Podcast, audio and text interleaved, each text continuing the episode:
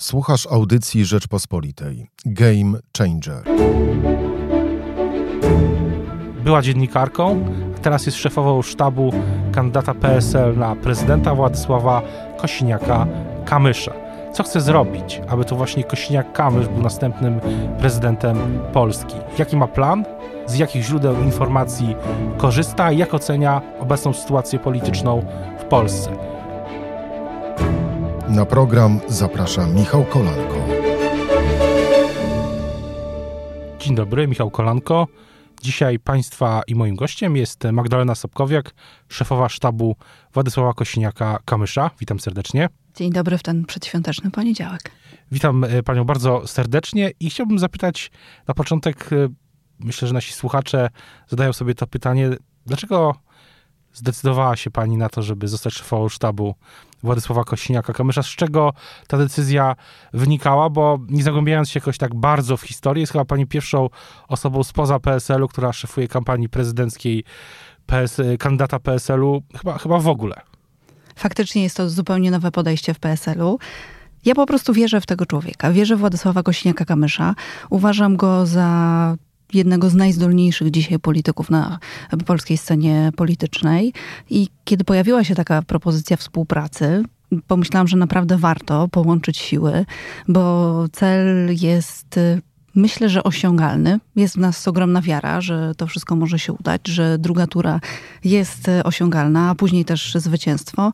I pomyślałam sobie, że to jest dobry czas, żeby wykorzystać moje doświadczenie, przede wszystkim zawodowe, żeby pomóc przy takim projekcie, jak kiedy Władysław Kośniak-Kamysz zaproponował mi w ogóle szefowanie e, sztabowi, no to tutaj już trudno było odmówić. Ogromny zaszczyt i mam nadzieję, że nie będzie tego żałował. Ale też jest e, jest tak, że kiedy spoglądamy w historię, to kandydaci e, PSL-u w wyborach prezydenckich nigdy nie osiągali e, dobrych wyników.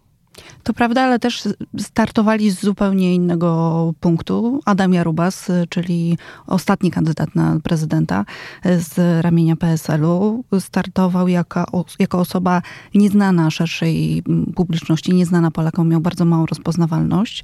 Też ta kampania była prowadzona w innych warunkach, bo na pewno były pewne ograniczenia finansowe. Teraz, teraz to już jest, jest troszkę lepiej. I też Władysław Kosiniak-Kamysz nie ma być tylko kandydatem samego PSL-u. Projekt e, jest znacznie szerszy, budowany przede wszystkim na koalicji polskiej, ale ma być kandydatem społecznym, obywatelskim, ma być e, kandydatem reprezentującym Polaków, nie tylko jedną partię polityczną, ale znacz, znacznie szerszego środowiska. Zaczynając może, wracając do samego początku, czy to było oczywiste, że Kosiniak-Kamysz będzie kandydatem PSL-u na prezydenta? To była pewna naturalna decyzja, w której myślę, że wiele osób przekonało się do, do, do takiego właśnie wyboru, patrząc na wynik wyborów parlamentarnych. Bo tutaj nie ukrywajmy, że te decyzje polityczne, bardzo odważne, dotyczące między innymi zakończenia projektu pod tytułem Koalicja Europejska, to były decyzje Władysława Kosiniaka-Kamysza. Oczywiście po konsultacji z władzami partii, ale e, to, to prezes Kosiniak-Kamysz był, był autorem tych pomysłów o zmianie pewnej politycznej. Bardzo odważna decyzja. Wielu wątpiło, czy się uda, i ten projekt zakończył się sukcesem, bo ponad 8% w wyborach parlamentarnych przy tych ograniczeniach, które były w minionej kampanii wyborczej, czyli też niewielkich finansach, jakimi dysponowało PSL, to, to bardzo dobry wynik PSL Koalicji Polskiej. Zresztą to Władysław Kosiniak-Kamysz jest autorem tego projektu rozszerzenia o nowe środowiska powstania Koalicji Polskiej, później ten, ten, wspólna współpraca, która zresztą nadal trwa i mam nadzieję, że będzie jak najdłużej rozwijana z Pawłem Kukizem. I myślę, że wiele osób z tego politycznego środowiska do, wokół PSL-u zobaczyło, że naprawdę warto zaufać i, i, jest to osoba, która ma naprawdę ogrom, ogromne m, takie zdolności polityczne, ma konkretną wizję przyszłości polskiej polityki i myślę, że ten, ten wybór był naturalny. Nawet nie było dyskusji o innych nazwiskach, z tego co wiem. Jest też tak, że te, ten wynik PSL Koalicji Polskiej to będzie wynik, z którego Władysław Kośniak-Kamysz PSL, ale też e, pani będzie w jakimś sensie e, rozliczana, bo to jest poprzeczka, to jest punkt e, startowy. Jeśli kandydat, jeśli prezes PSL w wyborach w maju, one będą najpewniej 10 maja z tych nieoficjalnych informacji wynika, że będą 10 maja, będzie pierwsza tura. Jeśli uzyska mniej, to będzie, e, to będzie rozczarowanie. Jeśli uzyska więcej, to będzie przekroczenie pewnych e, oczekiwań, ale te oczekiwania są chyba zawieszone przede wszystkim na tej poprzedce dwucyfrowej. Tak będzie. Ma pan redaktor tutaj na pewno rację, że ten wynik z wyborów parlamentarnych będzie dla wielu osób punktem odniesienia i ten wynik z wyborów, powtórzenie wyniku z wyborów parlamentarnych jest tutaj minimum, ale dzisiaj wszystko wskazuje na to, że sytuację w pierwszej turze będziemy mieli taką, gdzie te wyniki kandydatów rozłożą się porówno, tych kandydatów po stronie opozycji, mm, którzy są po drugiej stronie sceny politycznej w stosunku do Andrzeja Dudy. Wszystko wskazuje na to, że te wyniki będą w miarę wyrównane i w tym momencie okaże się, że aby wejść do drugiej tury, może wystarczyć nawet około 20%, może nawet trochę poniżej 20%. Co sprawia, że dzisiaj y, przed szansą wejścia do drugiej tury naprawdę staje kilku kandydatów. Nie tylko, bo bardzo często pojawiają się te opinie, że, że, powinien, że, że pewnie będzie tak, że utrzymany zostanie ten system, że do drugiej tury wchodzi tylko kandydat Platformy i Prawa i Sprawiedliwości. Ja się z tym nie zgadzam. Uważam, że naprawdę te wyniki rozłożą się porówno i ta druga tura mm, tak samo jak dla Platformy, ale dla nas też jest w zasięgu ręku, ręki i oczywiście o to dzisiaj walczymy, żeby znaleźć się w drugiej turze. Też jest pytanie, czy to oznaczałoby, czy to było wtedy rozbicie pewnego duopolu, który funkcjonuje w polskiej, na polskiej scenie politycznej od w zasadzie od 2005 5 roku. Pani uważa, że środowisko, że warunki i też przebieg wydarzeń po wyborach do dzisiaj pokazują, że rzeczywiście, że rzeczywiście ten duopol się chwieje? Tak uważam. To zdecydowanie scena polityczna polska się zmienia i też kiedy analizowaliśmy sobie wynik z wyborów parlamentarnych PSL-u Koalicji Polskiej, to okazało się, że e, blisko pół miliona osób, które w tym roku oddało głos na PSL Koalicję Polską, w poprzednich wyborach głosowało na Platformę Obywatelską. Czyli zaczynają się te, te przepływy. Nie mamy już tylko dwóch sił, czyli Platformę Obywatelską i, i Prawo i Sprawiedliwość, ale coraz większa rola też lewicy, y, która też zdecydowanie dużo zyskała na tym odejściu z Koalicji Europejskiej i tak samo centrum, stabilne centrum, umiarkowane centrum w postaci PSL-u Koalicji Polskiej i jest ta potrzeba społeczna, żeby takie racjonalne centrum budować. Ale też y, z drugiej strony sama Platforma czasami mówi o sobie, że też jest centrum. Z Platformą y, ostatnie miesiące kampania wyborcza pokazały, że chyba bliżej im do lewej strony jednak mimo wszystko. Y, chociażby zapowiedzi Grzegorza Schetyny w kampanii parlamentarnej o, o związkach partnerskich, y, dyskusje mm, dotyczące przecież jedną z twarzy Koalicji Obywatelskiej dzisiaj jest Barbara Nowacka, która przede wszystkim do, do dużej polityki weszła tym projektem dotyczącym liberalizacji prawa aborcyjnego. Więc trudno mając w pierwszym szeregu Barbara Barbarę Nowacką czy Katarzynę Lubnauer mówić, że jest się w centrum. Ja tam dzisiaj widzę więcej lewej strony. Co więcej, ci, którzy mam wrażenie chcieli pozostać w centrum, e, tak jak Marek Biernacki czy Jacek Tomczak, którzy teraz, dzisiaj są w Koalicji Obywatelskiej, w Koalicji Polskiej PSL, e, z Platformy Obywatelskiej zostali wyrzuceni. To były, to były wydarzenia też na tle ustawy aborcyjnej właśnie tego projektu e, obywatelskiego, czy projektów projektu obywatelskiego, ale wracając do samego początku, czy e, ta walka o drugą turę to też jest i cel, jakim jest druga tura, który pani sformułowała, też spowodował, że Kosiniak-Kamysz, Władysław Kosiniak-Kamysz zastartował relatywnie wcześnie. Zdecydowanie tak. Chcieliśmy szybko zacząć prekampanię, bo na razie o oficjalnej kampanii wyborczej mówić nie możemy to nie ukrywam, że przeanalizowaliśmy sobie to, co robił Andrzej Duda w 2015 roku. Ogłoszenie jego kandydatury było 11 listopada. Wtedy prezes Kaczyński ogłosił, że to będzie kandydat Prawa i Sprawiedliwości. My wystartowaliśmy troszeczkę wcześniej, bo w Wierzchosławicach na samym początku listopada, ale uważamy, że no nie ma na co czekać. Trzeba już przekonywać do kandydatury Władysława Kosiniaka-Kamysza jesteśmy w o tyle dobrej sytuacji, jako szefowa sztabu mogę powiedzieć, że jestem w o tyle dobrej sytuacji, że Władysław Kośniak-Kamysz nie jest politykiem, który większość czasu spędza w Warszawie, tylko prezes PSL-u od właściwie dwóch lat jest w permanentnej kampanii, permanentnie jeździ po, po Polsce, więc my też nie musieliśmy nagle zmienić naszej taktyki, że prezes nagle z salonu warszawskiego przesiada się do, do samochodu czy do busa i zaczyna być w Polsce, bo on w tej Polsce jest cały czas, ale też e, chcieliśmy dosyć mocno podkreślić, że, że startuje, że chce, mm, chce być w przyszłości prezydentem, chce, żeby rok 2020 był rokiem inaugurującym jego prezydenturę. Stąd ten wczesny start e, prekampanii. Co będzie dalej? Mamy, są święta, nowy rok i kolejne wyjazdy w styczniu? Jeszcze w grudniu. Jeszcze w grudniu. Nie, nie, nie, czekamy do stycznia. Mm, jeszcze w grudniu chociażby spotkanie w Kielcach, e, zaraz po świętach, 27 grudnia. Także jesteśmy cały czas w trasie.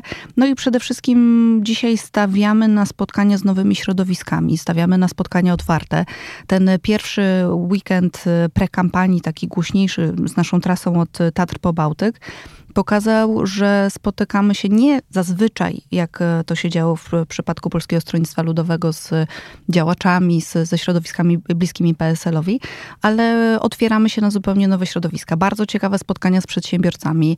Było też spotkanie ze środowiskiem kobiet. Ja może bym więcej powiedziała o, tych, o tym środowisku przedsiębiorców, bo dzisiaj mamy takie poczucie i, i mamy nadzieję, że wyborcy też gdzieś to docenią, że w tej chwili PSL i Koalicja Polska jest jedynym reprezentantem przedsiębiorców w polityce polityce. To jest ogromna grupa, e, która potrzebuje mieć swój głos w polityce i myślę, że przez takie projekty jak dobrowolny ZUS, e, teraz e, zajmujemy się też ustawami związanymi z, z mm, odpadami. Myślę, że tutaj realizujemy to bycie tym adwokatem przedsiębiorców w, w polityce i takie spotkania z przedsiębiorcami naprawdę bardzo dużo wnoszą też do projektu, do, do programu wyborczego i, i tutaj chcemy jak najwięcej z tym środowiskiem Ale z drugiej strony można powiedzieć, że na pewno Konfederacja też uznaje się, że reprezentantów reprezentację przedsiębiorców i też mówi o tym, że reprezentuje przedsiębiorców w kontrze do PiSu. Na pewno, tylko też pytanie y, później, kto de facto co robi. Y, my te, my te spotkania z przedsiębiorcami, które przynoszą realne efekty, bo tutaj też y, bardzo często słyszę taki zarzut, że dobrze, to jeździcie po Polsce, Andrzej Duda też jeździ po Polsce. Wszyscy jeżdżą. Wszyscy jeżdżą po Polsce. Tylko, że Andrzej Duda, prezydent Andrzej Duda spotyka się, tylko później nic z tego nie wynika. Jako prezydent ustaw i inicjatywy ustawodawczej rzadko używa. E, prezes Kosiniak-Kamysz bardzo często po takich rozmowach mówi, słuchajcie, to, to trzeba się zastanowić nad ustawą taką, taką, taką. Tak się zrodził dobrowolny ZUS właśnie na, na spotkaniach, dyskusjach z przedsiębiorcami i tak pewnie jeszcze kilka projektów powstanie. Także nie tylko rozmowa, wysłuchanie, żeby odfajkować sobie w kalendarzu, dobrze, spotkałem się, dobra, ale też potem działanie, bo bo na to też y, ludzie liczą i taka jest też rola polityków, żeby przekazywać, żeby tak zmieniać prawo, żeby realizować potrzeby społeczne. Na ile, bo rozmawialiśmy o duopolu, o tym, że się być może osłabi jeszcze bardziej w 2020 roku, który zacznie się już, y, ten rok zacznie się już niebawem, ale z drugiej strony temat, wrócił temat sądów i praworządności. Ten temat ewidentnie duopol y, odbudowuje. Ja duopolowy, być może taki był, taki był jeden z zamysłów tego tego, tego planu. I pytanie, czy samym takim działaniem, jak e, zapowiedź tego okrągłego stołu w sprawie sądów, e, samym takim działaniem da PSL chce, czy uda PSL-owi się z tego duopolu mm, wyłamać albo go e, ponownie osłabić.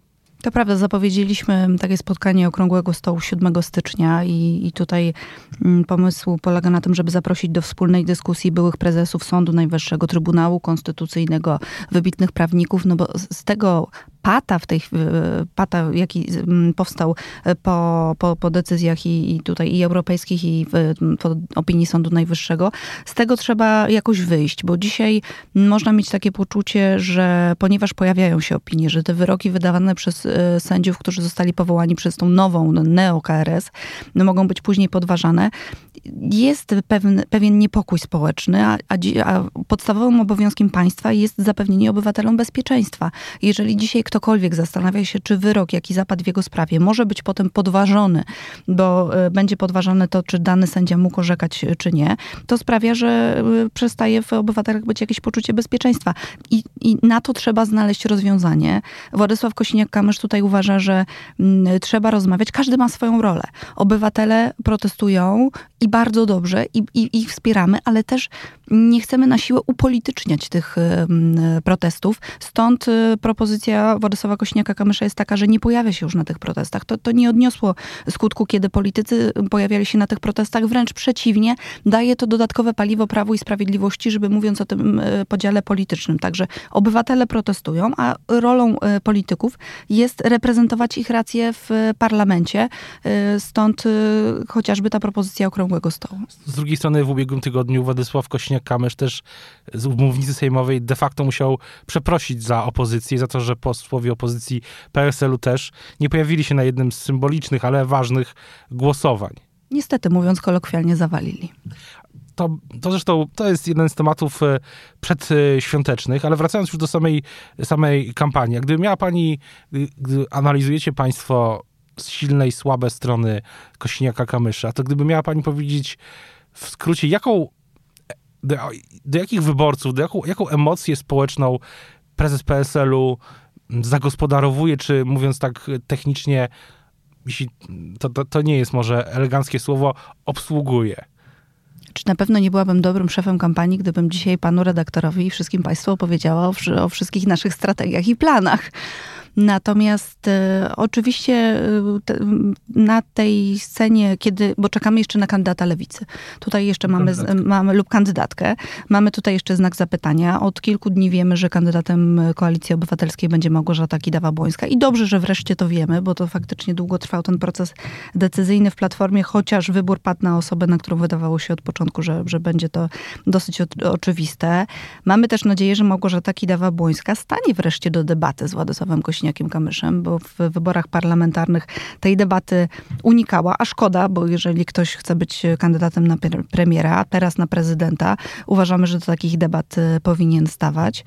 Na pewno y, wynik milion sześćset, który był w wyborach parlamentarnych, to za mało, żeby walczyć o drugą turę i tą, tą bazę wyborców będziemy musieli y, poszerzać. Na pewno chcemy, mm, chcemy zawalczyć o tych, którzy są dzisiaj rozczarowani Platformą Obywatelską ale też będziemy chcieli zawalczyć o tych, y, dla których Prawo i Sprawiedliwość y, stało się zbyt radykalne.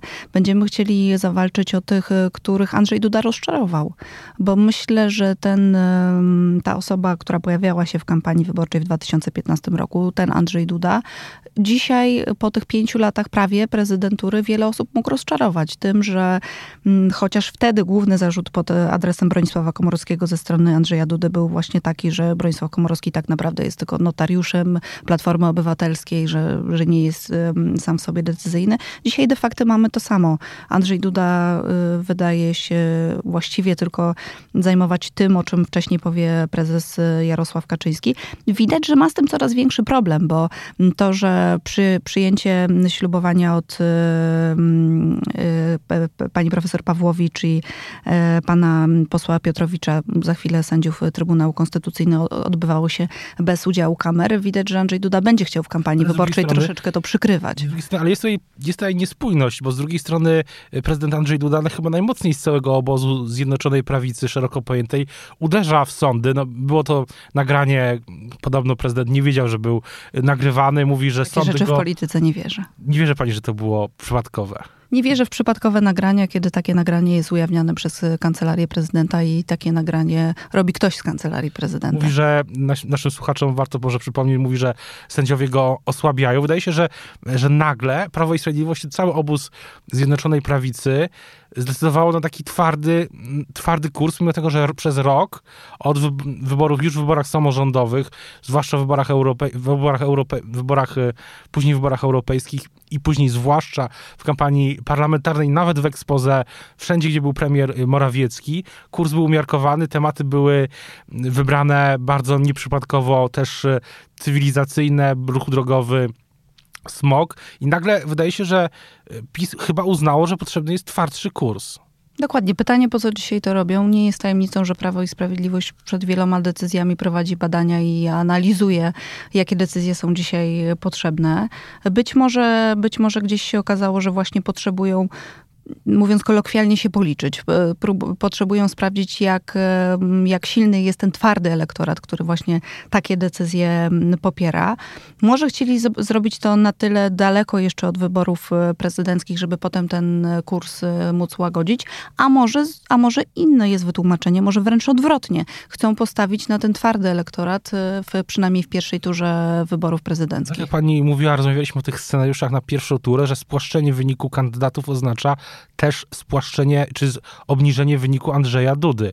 Jeśli będzie miał bardzo relatywnie niski wynik do oczekiwań zwłaszcza, no to jego szanse w drugiej turze będą spadać, więc być może jest tak, że bo też my jako dziennikarze się nad tym zastanawiamy, być może jest tak, że prezydent czy jego sztab tworzący się chcą po prostu sięgnąć po ten twardy elektorat, żeby w pierwszej turze mieć wysoki relatywnie wynik. Dokładnie, tak może być I, i to, o czym pan redaktor e, słusznie powiedział. W drugiej turze może się okazać, że Andrzej Duda nie będzie miał lepszego wyniku niż w pierwszej turze. Y, wiele osób e, pyta prezesa Kosiniaka-Kamysza, czy to dobrze, że Szymon Hołownia startuje.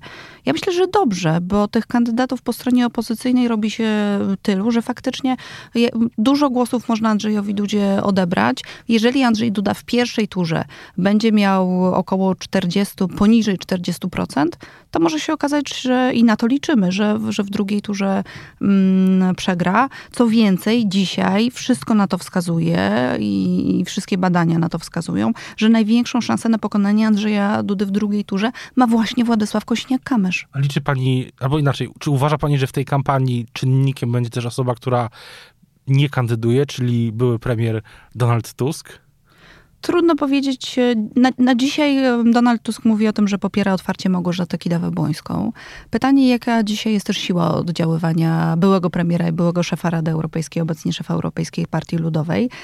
Dzisiaj wróci, widzimy, że wrócił do Polski, jeździ po Polsce z, ze swoją książką. Myślę, że to jest taki czas, kiedy Donald Tusk też e, na własne oczy chce się przekonać o tym, jaki jest jego odbiór w Polsce, bo gdzieś tam z, z odległości Brukseli, z, z odległości Rady Europejskiej Europejskiej trudno mu było y, bezpośrednio przekonać się o tym, jak, jak, jak jest odbierany w Polsce.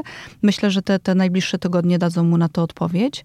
Na pewno dla, dla pewnie kandydata Platformy Obywatelskiej Małgorzaty Kidawy-Błońskiej jest to duże wsparcie.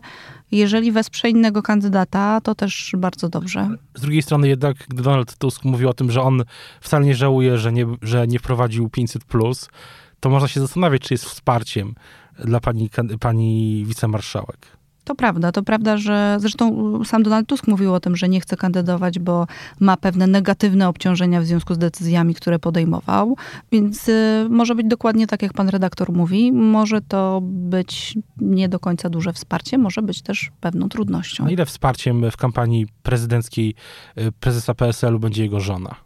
Będzie ogromnym wsparciem. Będzie ogromnym wsparciem i y, już w tej chwili mogą Państwo w internecie zobaczyć na, na naszych kanałach społecznościowych, e, na, na kanałach Władysława Kośniaka-Kamysza, taki spot świąteczny, w którym żona Paulina e, pojawia się razem z córeczką Zosią. I to jest pierwszy sygnał e, pokazujący, że zaangażowanie rodziny prezesa Kośniaka będzie ogromne w tej kampanii. Zresztą naprawdę trudno sobie wymarzyć lepszą kandydatkę na pierwszą damę niż Paulina Kośniak-Kamysz. Czy, czy, to też będzie kampania, w której ponownie...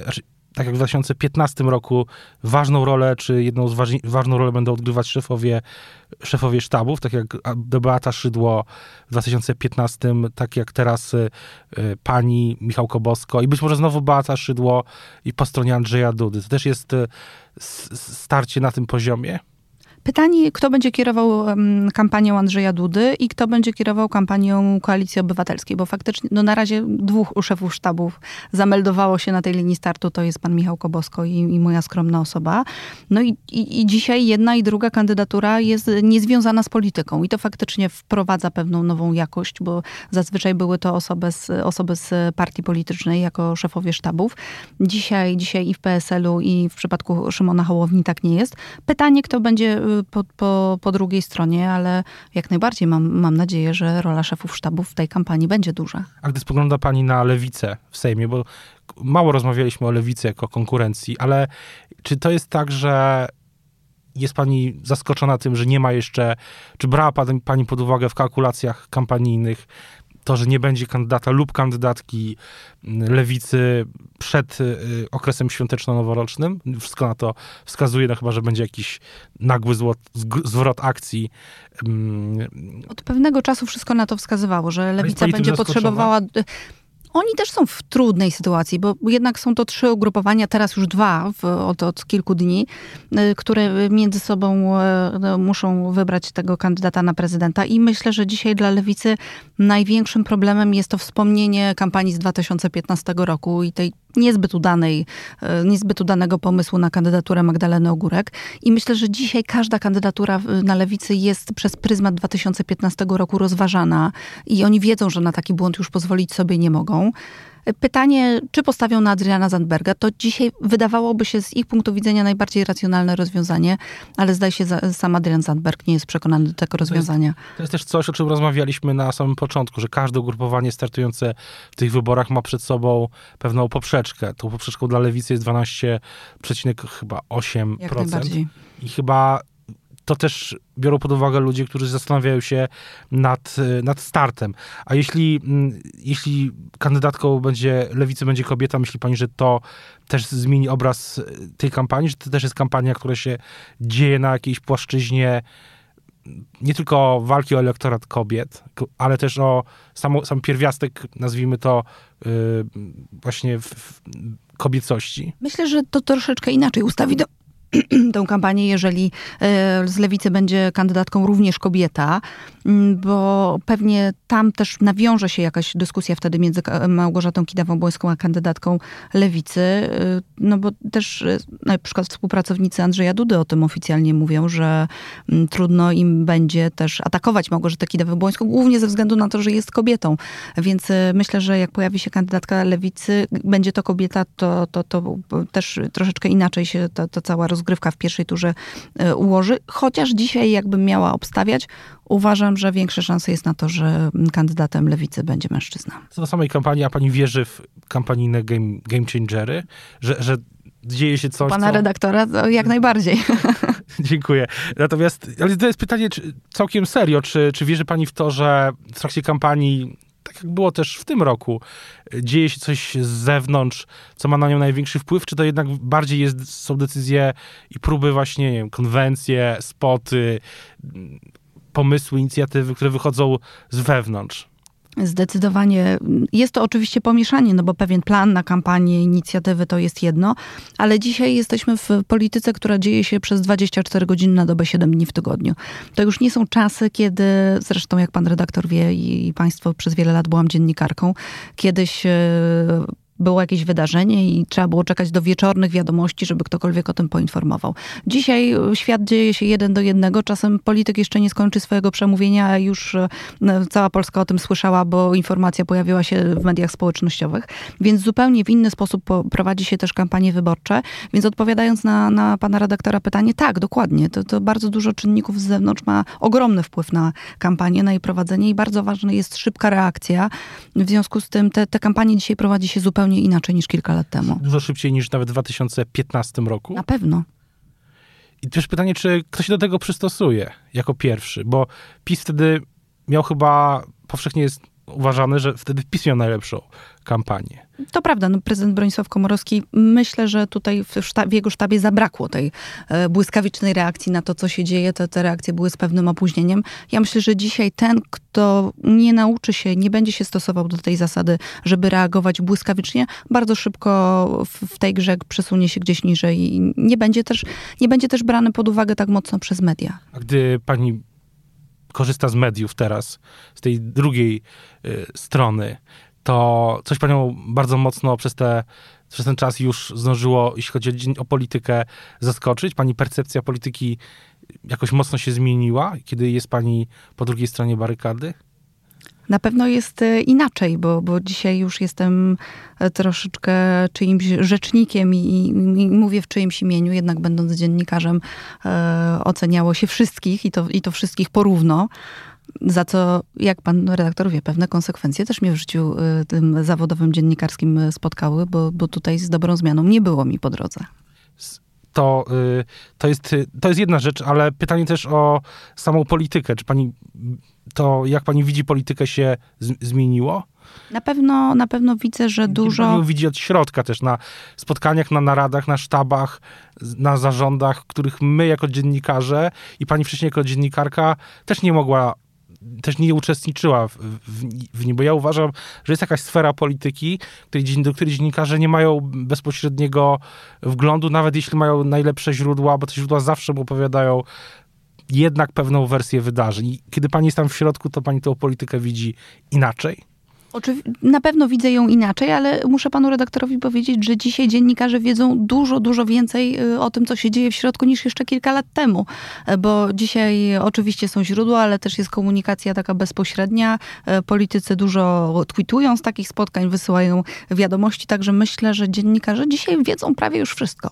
Na pewno nie wiemy wszystkiego, ale na koniec, gdy pani chce się czegoś dowiedzieć, zaczyna się poranek, y, kolejny y, roboczy dzień. Jak wiemy, w kampanii nie ma mm, dni wolnych. Nie ma. To, to jest pierwszym źródłem informacji duże portale, telewizja, Twitter, czy nawet czy te właśnie wiadomości bezpośrednie. Niektórzy mają nawet swoją sieć kontaktów, znajomych, znajomości, którzy wysyłają na komunikatorach informacje i ktoś rano na przykład już nie musi nawet sprawdzać Twittera, bo już ma pięć linków od pięciu osób, które coś, e, pięć linków do tekstów i tak dalej, które tworzą takie źródło informacji. Gdy pani e, zaczyna dzień, to jest czy, czy na przykład źródłem informacji albo ważną rzeczą, nie wiem, może są tabloidy, tak jak ktoś mi opowiadał ze sztabu e, właśnie Prawa i Sprawiedliwości sprzed lat, że e, taką tezę postawił, że tabloidy znaczą najwięcej ze wszystkich mediów, bo najbardziej oddziałują na powszechnego odbiorcę. To prawda, tabloidy mają ogromną siłę, bo do, do odbiorcy przede wszystkim trafiają bardzo krótkie komunikaty, a, a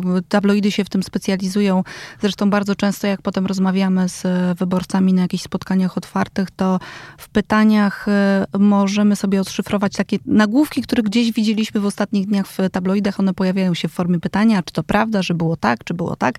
I to, to się pojawiają zdania, które faktycznie gdzieś tam w tabloidach e, się pojawiały. A nagłówki albo tweety z, z Twittera się pojawiają na spotkaniach. Chyba jest Twitter jest pewną, pewną, myślę, że taką bańką dotyczącą polityków i dziennikarzy, która, jeżeli gdzieś pojedziemy dalej w Polskę, dalej od Warszawy, to, to niekoniecznie już jest najważniejszym źródłem informacji. Ale wracając do pana redaktora pytania, to faktycznie zauważyłam, że tak jak kiedyś się zaczynałam dzień od włączenia kanału informacyjnego w telewizji, dzisiaj jednak są to media społecznościowe, jest to internet. No i też chyba każdy profesjonalny sztab faktycznie ma takie swoje źródło informacji i codziennie jakiś raport z tego, co dzieje się w mediach dostaje. I o tym y, teraz y, czas świątecznego wyciszenia, więc y, wszystkim naszym słuchaczom życzę dobrych świąt. Nie życzę świąt bez polityki, bo to moim zdaniem niemożliwe, ale przynajmniej, żeby ta dyskusja polityczna, jeśli jest przy świątecznych y, stołach, była jak y, najbardziej umiarkowana, że tak się wyrażę, i bez dużych emocji.